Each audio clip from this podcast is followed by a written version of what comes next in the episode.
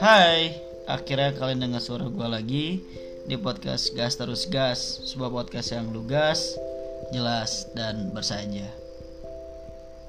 Kali ini gue buat podcast ditemenin sama temen gue, seorang lulusan teknik elektro sebuah universitas universitas ternama di Padang, Awak dari Unda, dari Andalas Eh, namanya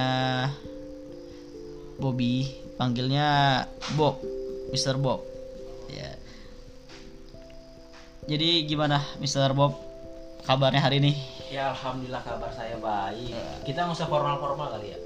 oh ya santai banget santai aja kedengeran kan suara itu orang awak banget gitu orang Padang jadi eh, kali ini kita akan bahas tentang seorang Bobby kecil gimana kehidupan di Padang karena gue tuh orang Padang sebenarnya tapi nggak pernah pulang kampung gitu saudara Bobby Oh jadi lu itu orang Minang istilahnya lah ya.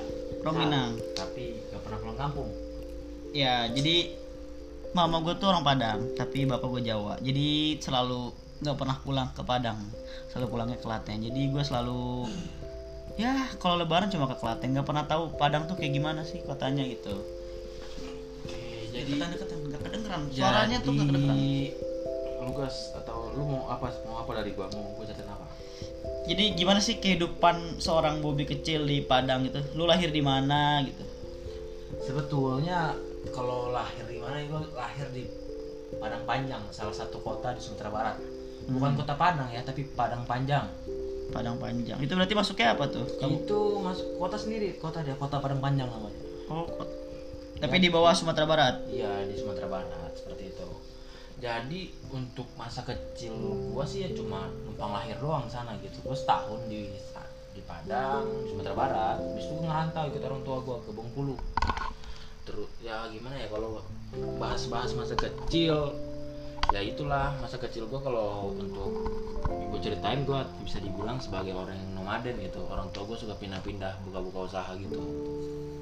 Jadi mau dimulai dibahas dari apa nih? Dari gua kecil jenjang pendidikan kah atau berdasarkan apa gitu? Oh berarti orang Padang tuh gitu emang sih terkenalnya pedagang. Dagang nah iya buka usaha kayak dagang gitu. berusaha untuk membuka usaha sendiri. Jadi sebenarnya Bobby ini dilahirkan dari orang tua yang gimana sih? Kayak dari keras kah? Atau yang nuntut ini itu atau gimana tuh? Kalau seorang orang tua ya? Ya Kalau- Bobby kecil tuh gimana sih? Bobby kecil tuh dididiknya kayak gimana? Jujur kalau orang tua gua ya baik papa atau mama gue ya didik gue cukup keras gitu. Apalagi ya bapak gua dia terke orang kakek gua lah. Kakek dari bapak gue itu dia salah satu orang dari departemen agama. Jadi didikan agamanya itu memang benar-benar ya gitulah nggak sholat kita mah habis kalau nggak sholat mah habis. Jadi Masya Allah Alhamdulillah. Terus? ya sedangkan kakek dari nek mama gua dia merupakan seorang datuk. Kalau di Sumatera Barat itu ada datuk. Datuk itu istilahnya kayak orang yang dihormati di suatu suku atau di suatu daerah. Jadi dia tuh kayak imam besarnya gitu. Oh. Kayak itu jadi gitu didikannya keras kalau untuk agama. Terus selalu diterapin petatah petitih istilah petatah petitih itu kayak tata kromo. tata krama tata gitu. kromonya kalau di orang Jawa tuh Nah, kayak gitu. Misal yang gue paling tanamin di diri gue tuh ya yang sudah umum di, sering dibilang orang-orang di mana bumi dipijak di situ lagi dijunjung. Seperti itu kurang lebih.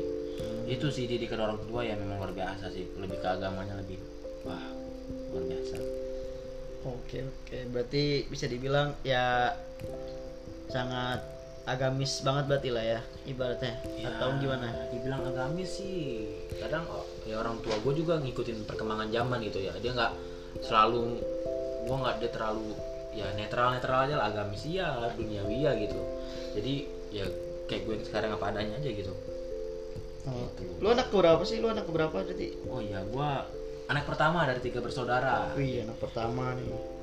gue anak pertama Berarti sekarang lagi sibuk kita lagi sibuk meniti karir aja meniti karir ya. iya kita lagi sibuk nanti karir nih lagi berjuang dari nol Iya, si kalau si Bobby sih lagi berjuang buat nyari nafkah, buat nanti meyakinkan calon mertua. Iya. Jadi Bobby ini tuh LDR, pacarnya itu jauh. Wah, sampai dibahas ini ya. Pacarnya tuh jauh di Padang dia. Jadi di sini tuh lagi berusaha buat meyakinkan nantinya. Jadi eh, ya gitulah orangnya. Baru pertama kali sih ketemu orang asli Padang. Terus lu kalau di sekolah tuh ibaratnya kita dari ke- kecil nih udah berarti eh, kalau anak pertama biasanya selalu di ini ya di jadi acuan disuruh-suruh gitu nggak atau gimana tuh dulu Kalau zaman-zaman sekolah dulu mungkin kita semua pasti pernah ngerasain kita tuh di compare atau kita tuh dibanding-bandingin. Pernah nggak sih lu dibanding-bandingin sama contoh dong dia nilai dia tinggi, contoh dong iya, dia iya. dia itu gini gini. Kayak gitulah. Gua rasa sih hampir semua anak di Indonesia pernah ngerasain itu loh.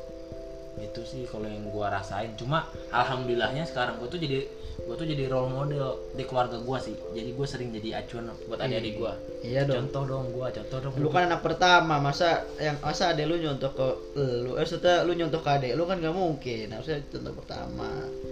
Ya, mantap gitu mantap tapi emang sering sih. Jadi buat kalian para calon orang tua lebih baik nggak usah lah banding bandingin anak kalian nantinya. Jadi kan setiap orang punya itunya sendiri punya keahlian masing-masing. Masa lu nyuruh ikan terbang? Kan nggak mungkin. Nyuruh burung berenang. Itu dia udah punya masing-masing. Cuman ya nggak tahu sih gue jadi orang tua nanti gimana. Tapi eh, ya gitulah. Terus kita bahas apa lagi ya? Kita bahas tentang apa tuh? Terserah. eh kita masuk ke dunia sekolah dulu. Dulu di SD tuh gimana sih seorang Bobby tuh SD kah? Eh, SD dulu SD dulu. Bandel gak? Orangnya bandel gak? Bandel gak? Dulu SD di mana? Dulu oke, berarti gue ceritain gimana gue SD. Gue SD ini di sekolah, SD gue dua sekolahan. Jadi gue sempat SD di Jakarta sama SD di Tangerang. Oh lu pindah-pindah. Gue pindah-pindah ya itu tadi seperti yang awal gue bilang Nomaden. nomaden pindah-pindah. Nah jadi pertama gue SD itu gue jelasin dulu ya alur gue SD kelas 1 sampai kelas 5 gue di Jakarta Jakarta Timur. Terus untuk kelas 5 semester 2 sampai tamat gue di Tangerang. Nah kalau di mau bahas masalah gimana sih gue SD bandel gak nakal gak? Wah berbanding terbang apa gimana ya? Kayak istilah bahasa Cina tuh apa? Yin and yang. Yin yang, Nah, iya. kayak gitu. Pas gua di Jakarta gua tuh bisa dibilang gua anak rumahan. Gua anak rumahan gua anak mami gua anak ya sering gua dikatain bencong sakingnya gua anak rumahannya gua saking karena gua keluar ya, nggak pernah pernah keluar. nggak pernah gaul. bahkan gua alasan gua dibilang bencong karena apa karena ya jarang main terus kulit gua warnanya kebetulan ya putih gitu dibanding Iya, Bobby tuh putih dia, bersih. Kalau ada, kalau ada nyamuk dikit, dikit aja kelihatan belang. Itu itu zaman zaman gue di Jakarta Timur tapi pas pindah gue ke Tangerang nah di situlah awal mulanya Bobby Ke Tangerang, Tangerang mana tuh? oh Tangerang ini Tangerang kota Daerahnya? di daerah dekat apa dekat stasiun Tangerang tepatnya sih Gua- pokoknya Tangerang kota aja pusat kota Berarti lu tuh pindah dari Padang ke sini tuh umur berapa sebenarnya? Pindah kan awalnya lahir di Padang, Padang Panjang. Pin Padang Panjang gue kan lahir 99 ya terus tahun gue di Sumatera Barat itu gue diajak merantau ke Bengkulu kebetulan eh, bapak gue belum buka usaha waktu itu. Waktu itu masih Hmm. kerja di PLN Terus? Nah, terus habis itu bapak gua mungkin udah berhenti pengen buka usaha ya udah sampai langsung pindah ke Tasik. Sempat gue tinggal di Tasik sampai umur 4 tahun. Tasik Malaya terus umur 5 tahun balik langsung ke Jakarta. TK di sana SD di sana. Tuh SMP? SMP di mana tuh? Pas SMP. SMP di Tangerang Oh, berarti lu balik lagi ke Padang setelah masuk kuliah. betul betul balik lagi ke Padang setelah itu kuliah kebetulan ya itulah rezekinya di sana Berarti sebenarnya lu di Padang tuh masih kecil doang ya, cuma sebentar. ya cuma numpang lewat doang numpang numpang lewat, terus tapi pindah-pindah sampai ke Jawa Barat iya. Iya, gue pindah-pindah bisa dibilang gue sekolah gue banyak SD dua kali, SMP sekali, SMA juga dua kali. Hmm, bisa ya kayak gitu ya. Gua sih kalau gua paling malas banget jadi ketika lu masuk ke sebuah sekolah itu jadi orang anak baru itu kayak gimana gitu. Jadi pusat perhatian orang kayak ih anak baru nih anak baru nih tapi kalau gue pribadi ya gue ngeliat itu malah seneng gitu gue yang gue jadi kayak ketemu suasana baru. suasana baru terus gue jadi kayak orang-orang tuh pada fokus ke gue gitu. Widih. Itu sih. Tahu dia emang dia dikit ganteng lah dikit ganteng. Gue ya kayak gitulah kurang lebih. Eh nggak gantengnya nggak gantengnya maksudnya gue lebih suka kayak diperhatiin gue lebih oh jadi pusat pusat perhatian perhatian gitu. Tapi dengan cara yang nggak lebay lah ya standarnya juga. Hmm, berarti kalau menurut lu tuh Bobby tuh pinter gak seorang Bobby kalau seorang Bobby Bobby dulu ketika dari zaman sekolah gitu. Ah kalau zaman sekolah kita bahas dari SD SD alhamdulillah kebetulan pas waktu itu nilai nem gua tertinggi kedua sekecamatan. Widih sekecamatan tuh. Kecamatan su apa? Nah, Sukasari kalau nggak salah. Oh yang di Tangerang? Tangerang. Jadi yang nomor satunya juga satu SD sama gua. Widih pinter ternyata. Pas mas dan kebetulan waktu itu gue zaman zaman SD gue juga lagi zaman zamannya nakal. Kenapa? Gue bercita-cita gue gara-gara nonton serial apa ya? Jepang apa? Genji. Oh Iya, Genji. Genji jadi gue bercita-cita pengen nguasain sekolah. Oh jadi pentolan. Pentolan, iya, pentolan benar. bahasa bahasa itu itu pentolan. Pentolan. Nah masuklah gue ke SMP favorit. Masuk ke SMP favorit gue mikirnya di sana orang cupu-cupu semua kan? Ternyata? ternyata mafianya banyak Oh gini gini. Sekarang sebelum itu kita tarik ke belakang SD. Kenakalan apa sih yang pernah lu lakuin nanti gue cerita juga. kenakalan Ya pak ya ibaratnya hal-hal apa sih nakal lah, konyol lah, apa aja terserah. itu untuk di dunia sko- pendidik Sekolah, iya di SD, SD, SD dulu kita bahas SD dulu. Kalau di SD kenakalan terbesar gua gua pernah piercing, Oh nindik, tindik. piercing. Di mana tuh? Pernah tindik yang ke tukang tindik, pernah tindik manual sendiri. Di mana di kling, eh di telinga, di hidung. Kalau untuk pertama kali gue nindik di manual gua gara-gara ke bawah teman-teman gua yang pentolan itu dia nindik nindiknya lucu pakai jadi kuping lu ditempel pakai es batu biar dia mati rasa Iya biar mati rasa. terus itu- ditusuk pakai jarum pentul itu kuping. Nah selanjutnya ya karena nekat kan, oh gue kira keren gitu kayak zaman zaman dulu kan pang-pang itu kan Iya, kayak tren- ditakuti sama. ditakutin. Ya kayak itu gue coba nindik kena 60 ribu dulu pada Oh, waktu itu. bayar. Ya 60 ribu di lidah. Widih. Cuma tahannya cuma dua jam doang karena gue takut ketahuan. Eh copot eh, barbelnya, piercingnya gitu.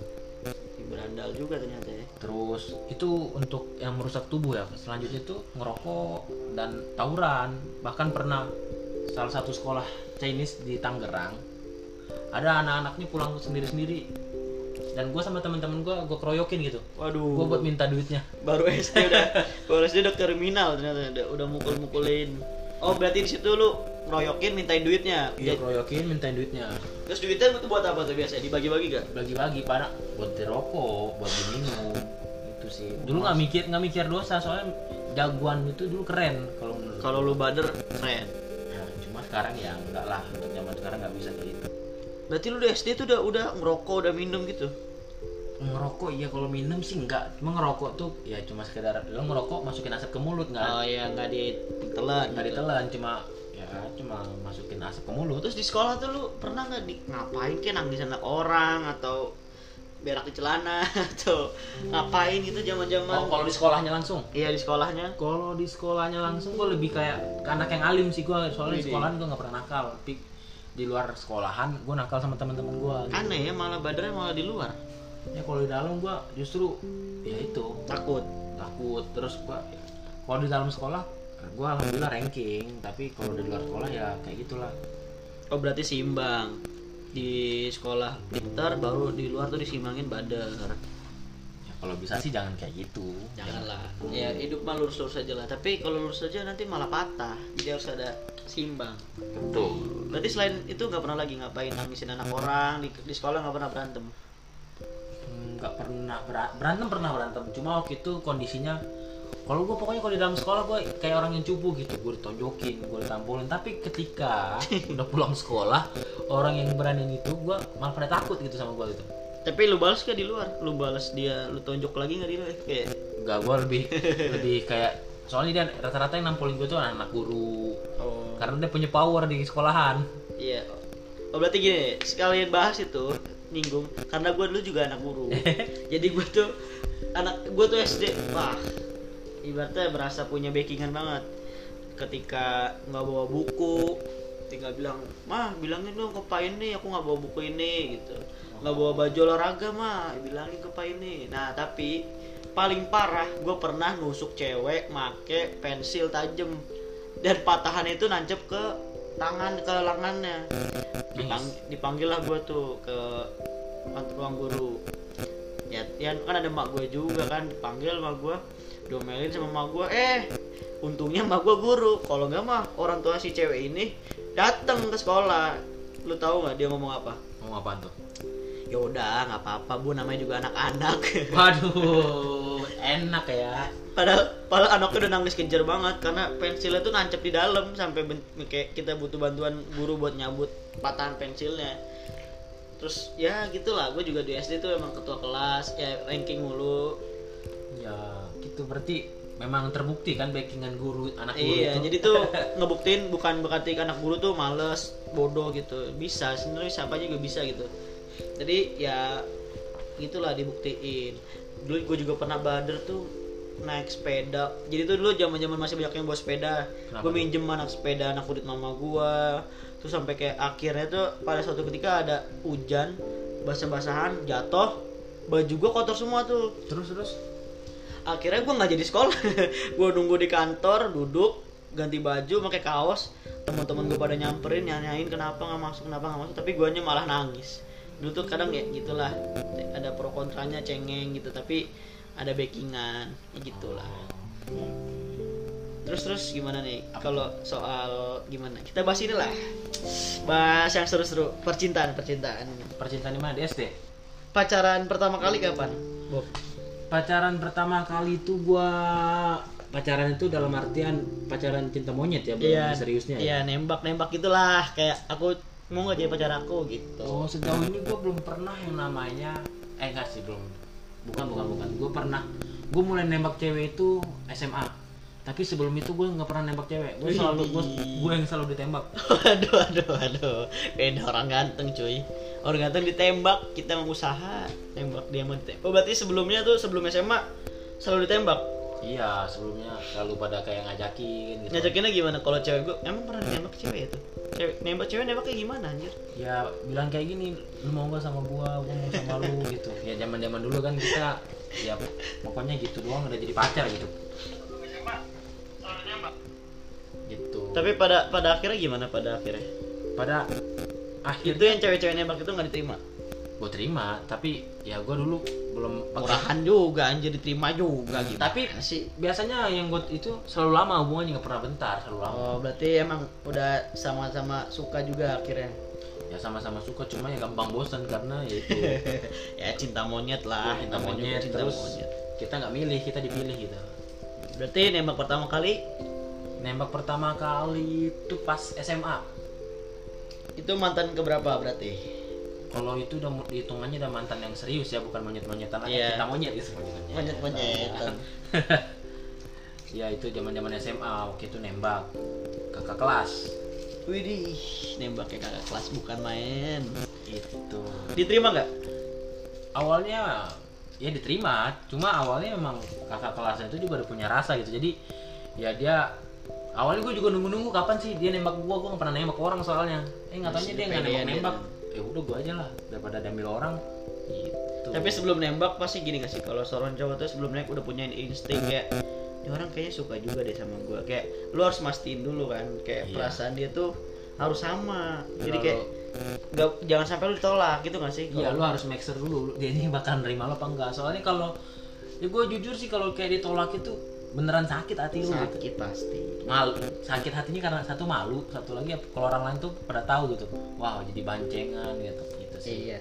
Eh dulu gue pernah tuh kayak zaman SMP kelas berapa ya? Kelas 8. Jadi gue suka sama seseorang. Gue tembak lah dia zaman-zaman dulu tuh SMS apa ya?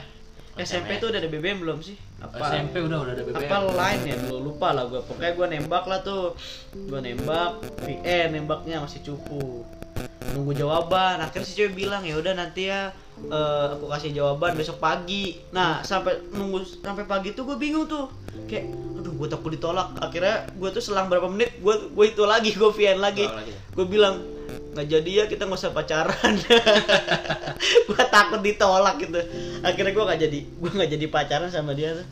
Eh malah akhirnya kelas 9 malah jadian sama sahabatnya dan itu langgeng banget. Gitu sih kalau gue itu hitungannya cinta monyet apa enggak? Kalau menurut gue sih itu bukan cinta monyet sih karena itu ya cinta monyet juga. Gue nganggapnya sih sampai lu belum bener-bener punya komitmen tuh pasti cinta monyet. Cuman itu kayak bener-bener kayak ibaratnya first love kayak Oh, first love lu bener-bener ngerasain gitu lah. Ibaratnya suka sama orang bukan cuma lewat gitu aja. Dan itu lama pacarannya.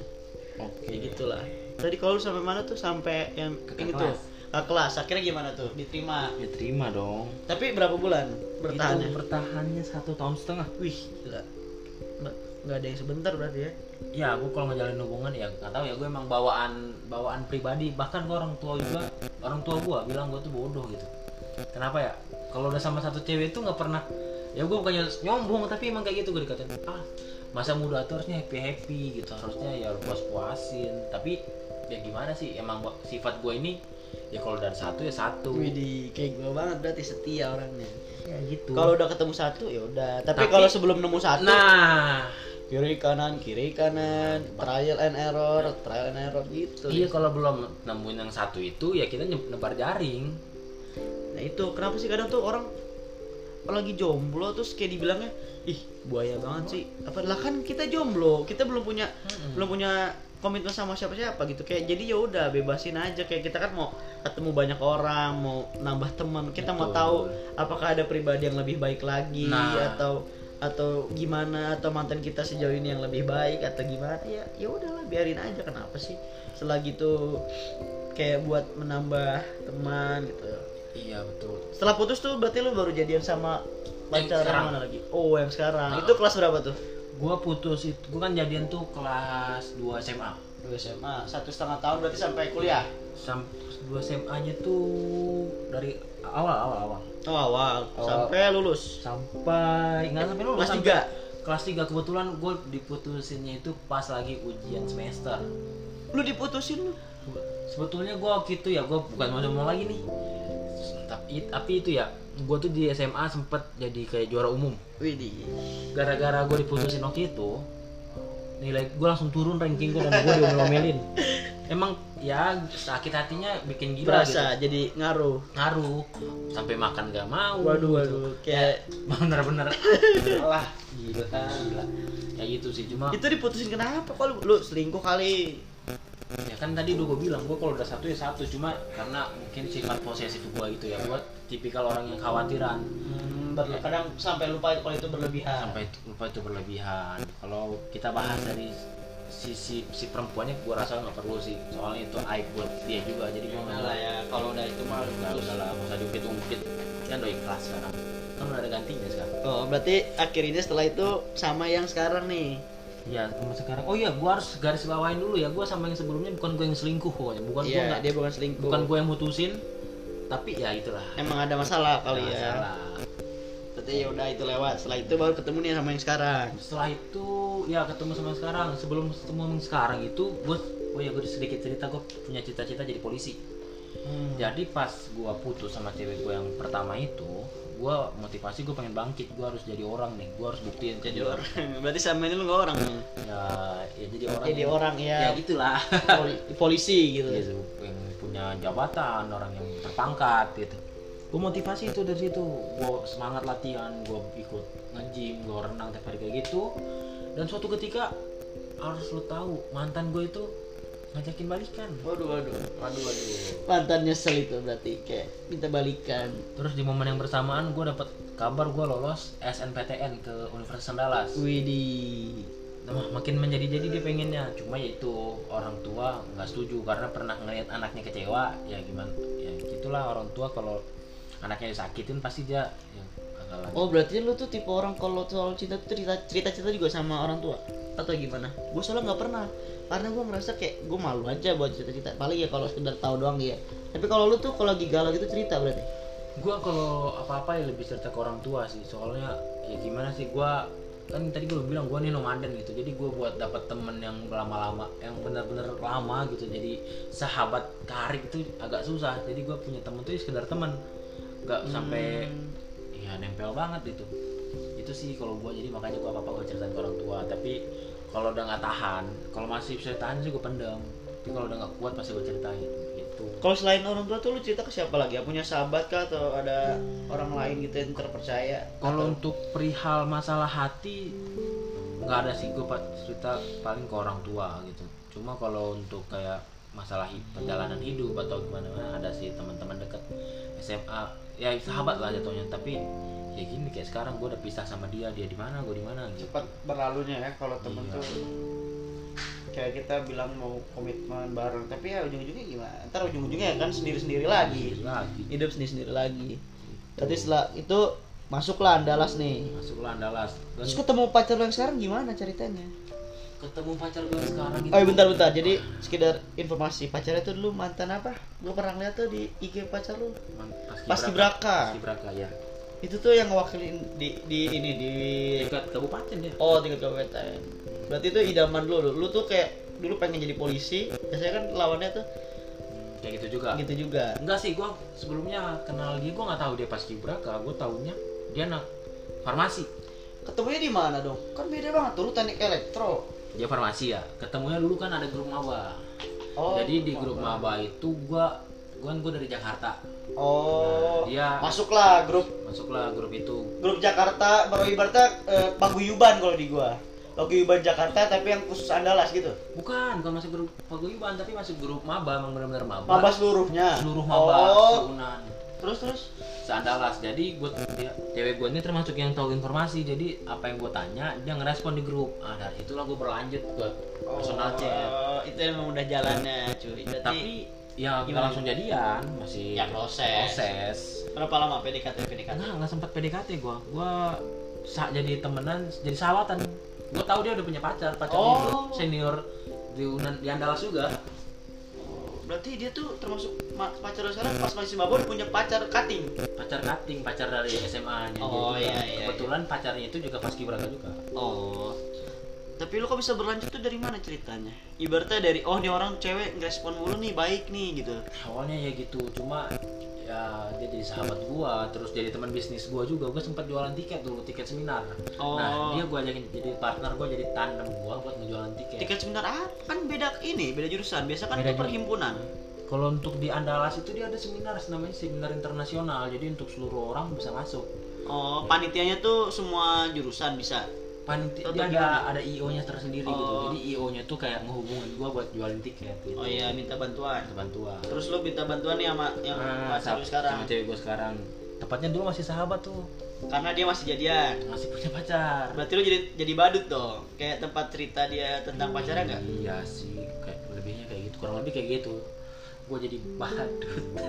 gue pernah ngerasain itu sih kayak tempat cerita orang lain tapi ceritain pacarnya gitu padahal kita tidak ada rasa sama dia Iya. tapi pas gitu lu udah udah ada rasa sama dia apa Belum, belum belum. Gue saat itu mah masih apa ya, masih labil. Gue masih trauma sama pacaran gara-gara yang tadi gue oh, bilang. masih sakit Masih sakit. belum sembuh lukanya Belum sembuh. Bukan, bukan berarti belum move on, cuma masih si iya takut hal yang sama lagi lah takut Mm, betul. terus muncul munculnya kapan ketika udah oh kayaknya gue kagum nih sama ini orang nih gitu Panjang sih ceritanya kalau itu dia sempat putus sama yang cowok yang Oh, sekarang. akhirnya putus. Akhirnya putus.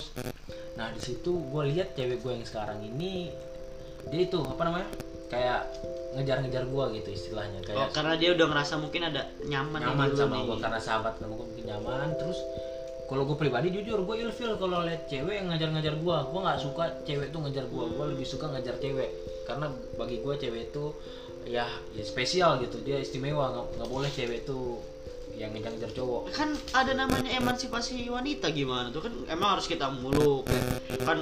Apa apa di chat apa ya kan kita juga butuh dikejar kita butuh ditanya juga. Kan bukan berarti kayak ngejar-ngejar nggak apa-apa dong. Ya tapi nggak tahu ya kalau balik lagi ke prinsip. Kalau gue prinsip gue gitu kalau cewek tuh ah, dia harus dimuliain. Dia nggak boleh merendahkan diri dia di depan cowok kalau menurut gue gitu sih. Tapi lu ngeranggapnya pas waktu itu dia tuh terlalu ngejar-ngejar lu? Iya terus ngejar-ngejar gue malah gue ilfil Terus? Malah gua- malah gue jauhin. Oh jaga jarak setelah itu? Iya setelah itu, itu aja. Terus nah momen gue ada kesuk di situ gue udah mulai kayak oh dia sahabat gue gue nganggap dia wah dia sahabat gue terus lambat laun gue dapat info dari temen temennya dia temennya ce temen cewek gue itu. Dia pacaran diam-diam sama orang lain gitu. Waduh waduh. Nah di situ gue kan padahal cuma sahabat dia tapi gue ngerasa cemburu Kok- juga iya gitu. oh berarti ketika ada rasa cemburu tuh berarti udah beda. Gak beda. Kok gue cemburu ya? Kok gue ngerasa kehilangan ya? Kok gue nggak ikhlas ya? Nah di situ gue dapet poinnya. Nah setelah gue tahu info itu gue langsung tanya ke cewek gue yang sekarang. Emang bener ya? Ternyata dia bilang bener. Dan di saat itu juga gue marah-marah ke dia dan gue bilang lu masih suka nggak sama gue putusin dia. Widih, widih. Kayak kayak, kayak FTV ya? iya lu masih sayang nggak sama gue putusin dia Awalnya ilfil dikejar-kejar, lama-lama kok cemburu. Pas jadian malah balik kejar gue minta diputusin. Terus Pak. pada akhirnya cewek lu tuh gimana? ya mungkin Milih karena, siapa? mungkin karena cewek gue masih punya perasaan buat gue ya dia sampai diputusin cowoknya itu pacaran cuma sebentar Belum lama Karena sebulan, gua- sebulan udah nyampe. gue rasa ya sekitaran sebulan lah gue rasa dan gue lihat kayaknya yang pacar ini cuma pelampi- pelarian dari gue gitu Oh. karena gue nggak ngerespon kunjung ngerespon ada Jadi cewek lu ngerima yang cowok itu. iya dari cowok itu. Nah dan gue tahu. Tapi gue nggak terima. Itu Barulah di situ lu Barulah dia gua- dia ngehiyain lu akhirnya. ngayain gue tapi butuh proses sih. Gue ini yang gue suka nih gue ngejar-ngejar cewek. Dia nggak langsung nggak langsung putus karena si cowoknya itu nggak terima juga. Cowok itu malah lebih ngikat gitu Tapi padahal si ceweknya cewek lu ini udah mutusin. Udah ada mutusin Tapi masih nggak terima si mantannya dia. nggak terima cuma cewek gue ngehargain mantannya ini agak butuh proses minggu dua, dua mingguan lah untuk buat Wah itu masa bentar dua minggu. Berarti lu- dua minggu itu lu masih tetap masih deket dia. gue kejar gue pepet bahkan gue marah-marah gue Waduh waduh. sempet sampai gue satu momen gue nangis gitu gue mohon-mohon ke dia tolong Padahal gue jadi inget dulu ya pernah nangis. Pernah nangis juga? Pernah gua, gua nangis zaman SMP gara-gara lupa encet ke chat orang ketahuan mantan gua terus nangis Hmm. terus minta diputusin gak mau. Terus pas SMA juga pernah gara-gara ngambek. Jadi ya gitulah pernah nangis gue beberapa kali cengin Wow. terus terus gimana tuh? Setelah udah berjuang? Apa? Setelah udah berjuang gimana? Ya setelah gue perjuangin dia terus setelah dua minggu berarti? Ya setelah dua minggu akhirnya dia benar-benar lepas dan ya itu jadi punya gua sampai sekarang Jadi sampai sekarang masih langgeng dong berarti. Ah, insya Allah kalau bisa sih terus sampai nikah sampai Wih, ya, ya. berarti udah total berapa lama tuh? Baca dari 2018 udah tiga tahun Wih, tiga tahun. Itu tiga tahun tuh kalau nyicil mobil udah hampir lunas berarti ya. iya kalau punya anak udah bisa belajar jalan udah mulai lari-lari Pasti itu udah panjang banget sudah. Ya kalau bisa mah itu tujuan terakhir lah ya. Finishnya tuh di dia lah. Bet- amin amin Gak amin usah ada orang lagi gitu orang lain. ya tapi kalau misalnya cewek gue denger nih gue podcast nih dia harus tahu sih dia tuh ya merupakan salah satu mimpi gue yang jadi nyata gitu Wih, wih, jadi sekalian sekalian ajang ini nih pengen ngomong. Oh, berarti kalau gua kasih kesempatan nih, lu pengen ngomong apa nih ke cewek lu?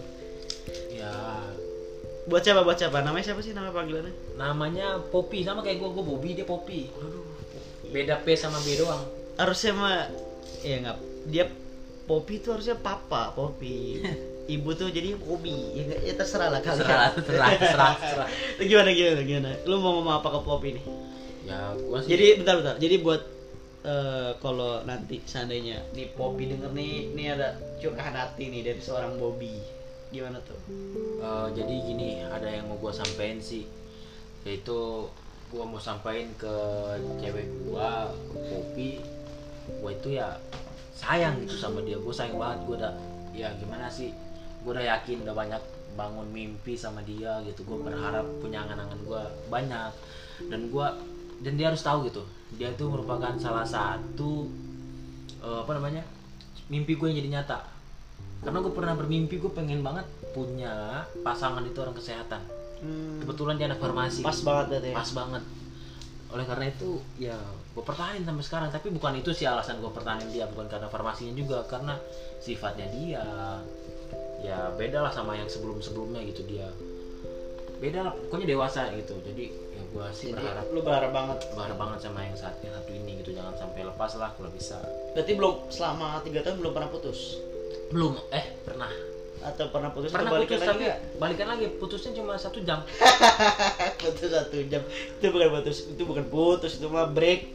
Ya, di putus- pause sebentar balikan cuma- lagi. Cuma satu jam jadi dia mutusin gua terus habis itu ya gua sebagai cowok kalau gua pas pakai petatah petiting minang lagi nih apa? Tata kerama minang lagi. Iya gimana tuh?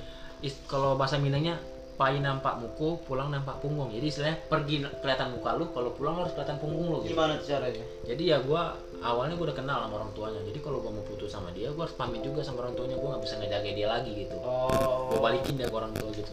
Itu sih. Nggak bisa ninggalin gitu aja berarti nggak bisa gitu gitu aja oh, berarti kalian udah saling kenal juga nih keluarga ya satu sama lain? Betul, pernah ada saling ketemu sih. Alhamdulillah. Hmm, ya mungkin mukanya yang terbaik lah ya buat kalian gitu buat Poppy dan Bobby. Aduh pasangan apa pula ini Poppy Bobby? Ya gitulah. Hampir-hampir. Gue juga nggak nyangka sih bisa jadian sama cewek yang namanya hampir mirip sama nama gue gitu. Poppy Bobby gitu. Oke. Jadi mungkin eh, thank you banget nih Bob lu udah nemenin gua. Akhirnya udah bisa buat podcast lagi setelah berabad-abad nggak pernah pegang lagi ini udah udah buan. Jadi thank you banget buat Bobby. Eh, Ya, oke. buat kalian semua jangan pernah berhenti jadi orang balik. Eh dari jangan jangan pernah berhenti jadi orang baik. Bye bye bye